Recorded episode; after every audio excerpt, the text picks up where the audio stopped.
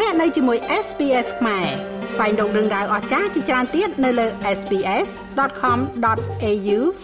ខ្មែរក្នុងពិធីជួបសំណេះសំណាលជាមួយកម្មករនយោជិតជិត20000នាក់នៅតាមបណ្ដារោងចក្រសហគ្រាសនៅរាជធានីភ្នំពេញនាថ្ងៃទី3ខែតុលាលោកនាយរដ្ឋមន្ត្រីហ៊ុនម៉ាណែតបានប្រកាសថា នៅខែវិច្ឆិកាឆ្នាំ2023ខាងមុខនេះ លោកនឹងជួបជាមួយនឹងវិស័យឯកជនដើម្បីពិភាក្សាលើបញ្ហាប្រឈមនិងកង្វល់របស់វិស័យឯកជនជាពិសេសការពិភាក្សានិងដោះស្រាយលើបញ្ហាពន្ធដារ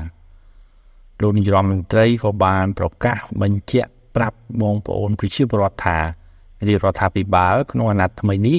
มันមានពន្ធថ្មីដាក់ឲ្យប្រជាពលរដ្ឋទេมันមានការបង្កើតពន្ធថ្មីនោះទេ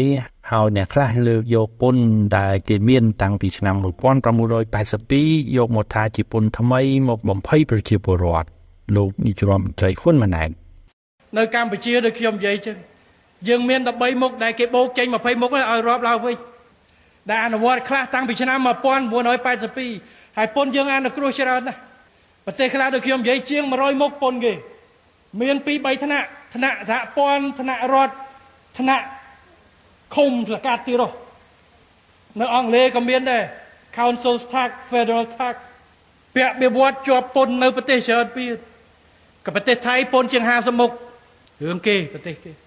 ប៉ុន្តែអ្វីដែលយើងគិតរឿងពន្ធនេះក៏យើងគិតពីស្ថានភាពសេដ្ឋកិច្ចដែរសម្រាប់ជួយប្រជាពលរដ្ឋបន្ធូរកម្រិតណាព្រោះសិស្សកូនខ្មែរទាំងអស់ទេ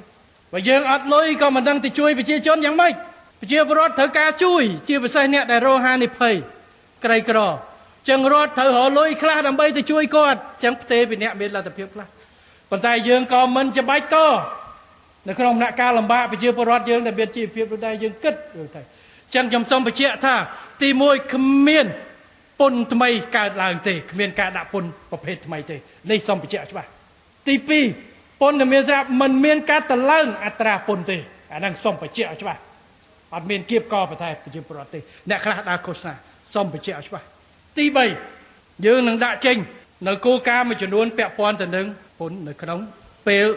ប្រជុំវិស័យឯកជនខែ11ខ្ញុំសូមបញ្ជាក់ជូនបងប្អូនប្រជាពលរដ្ឋនៅការបដិញ្ញាចិត្តនិងគោលនយោបាយបន្តទៀតរបស់គណៈបកប្រជាជន ទៅលើការបញ្យោពុនទី1យើងនឹងមិនតមមិនយកពុនទៅលើដីកសិកម្មដីស្រែជាលក្ខណៈគ្រួសាររបស់ប្រជាពលរដ្ឋទេទី2យើងមិនយកពុននៅសម្ភារៈកសិកម្មទេ ទី3យើងមិនយកពន្ធទៅលើកសិកម្មកសិផលកសិកម្មទេយើងមិនយកពន្ធអចលនទ្រព្យតម្លៃថោកជាង100លានរៀលឬ25000នោះទេចឹងបងប្អូនទិញផ្ទះថោកជាងនឹងមិនយកជាប់ពន្ធទេហើយពន្ធប្រថាប់ត្រាបើមានការទិញលក់អចលនទ្រព្យក្រោម70000ដុល្លារមិនយកពន្ធទេអានេះយើងបន្តមិនយកទេហើយពន្ធប្រថាប់ត្រា ដែលការផ្ទេរទ្រព្យពីឪពុកម្ដាយទឹកកូនយាយតាមកចៅប្តីមកប្រពន្ធ សម្រាប់អំណោយមួយលើកឬមរតកនោះយើងនឹងបន្តបញ្យោទេអានេះការបដិញ្ញាចិត្តរបស់យើងពុនតូចចក្រយានយន្តពុនផ្លូវដែលជិះម៉ូតូឬអាកង់3នេះរត់នឹងមិនយកពុនផ្លូវទេហើយយើងមិនបានយកមកហើយតាំងពី2011យើងនឹងមិនយកទៀតនឹងហើយក្រៅពីមិនបង្កើតអីថ្មីមិនបង្កើតអ្វីដែលមានស្រាប់រដ្ឋក៏បដិញ្ញាចិត្តនៅអ្វីដែលយើងមិនបានយកនឹងបន្តមិនយកតទៅទៀតនេះសូមឲ្យច្បាស់រឿងពុននេះ លើពីនេះទៀតលោកនាយរដ្ឋមន្ត្រីហ៊ុនម៉ាណែតក៏បានណែនាំទៅដល់អាជ្ញាធរគ្រប់លំដាប់ថ្នាក់ត្រូវលុបបំបាត់ការយកភាសីការលក់ដូររបស់ប្រជាពលរដ្ឋតាមកញ្ច្រែងកញ្ជើល្អីគឺមិនត្រូវយកពន្ធទេលោកនាយរដ្ឋមន្ត្រីហ៊ុនម៉ាណែតក៏បានបន្តថាអាជ្ញាធរគ្រប់លំដាប់ថ្នាក់ត្រូវមើលលើករណីនេះមិនត្រូវយកពន្ធលើប្រជាពលរដ្ឋឡើយ។ អត្ថាធិប្បាយរបស់លោកនាយរដ្ឋមន្ត្រីហ៊ុនម៉ាណែតខាងលើនេះគឺបានធ្វើឡើងបន្ទាប់ពីមានការរំជើបរំជួលនៅពេលដែលមានការលើកឡើងរបស់អគ្គនាយកដ្ឋានពន្ធដារពាក់ព័ន្ធទៅនឹងការយកពន្ធ20%លើប្រាក់ចំណេញលក់ដីនិងលក់ផ្ទះក៏ប៉ុន្តែខាងពន្ធដារបានធ្វើការបំភ្លឺរួចហើយករណីនេះថាជាពន្ធចាស់ដែលរាជរដ្ឋាភិបាលបានបង្កើតឡើងតាំងពីឆ្នាំ2020យ៉ាងណាក៏ដោយលោករដ្ឋមន្ត្រីហ៊ុនម៉ាណែតកាលពីសប្តាហ៍មុន បានបញ្ជាក់ថាពន្ធលើប្រាក់ចំណេញលក់ដីលក់ផ្ទះ20%នេះរាជរដ្ឋាភិបាលមិនទាន់កំណត់ពេលដែលត្រូវអនុវត្តនៅពេលណានៅឡើយទេ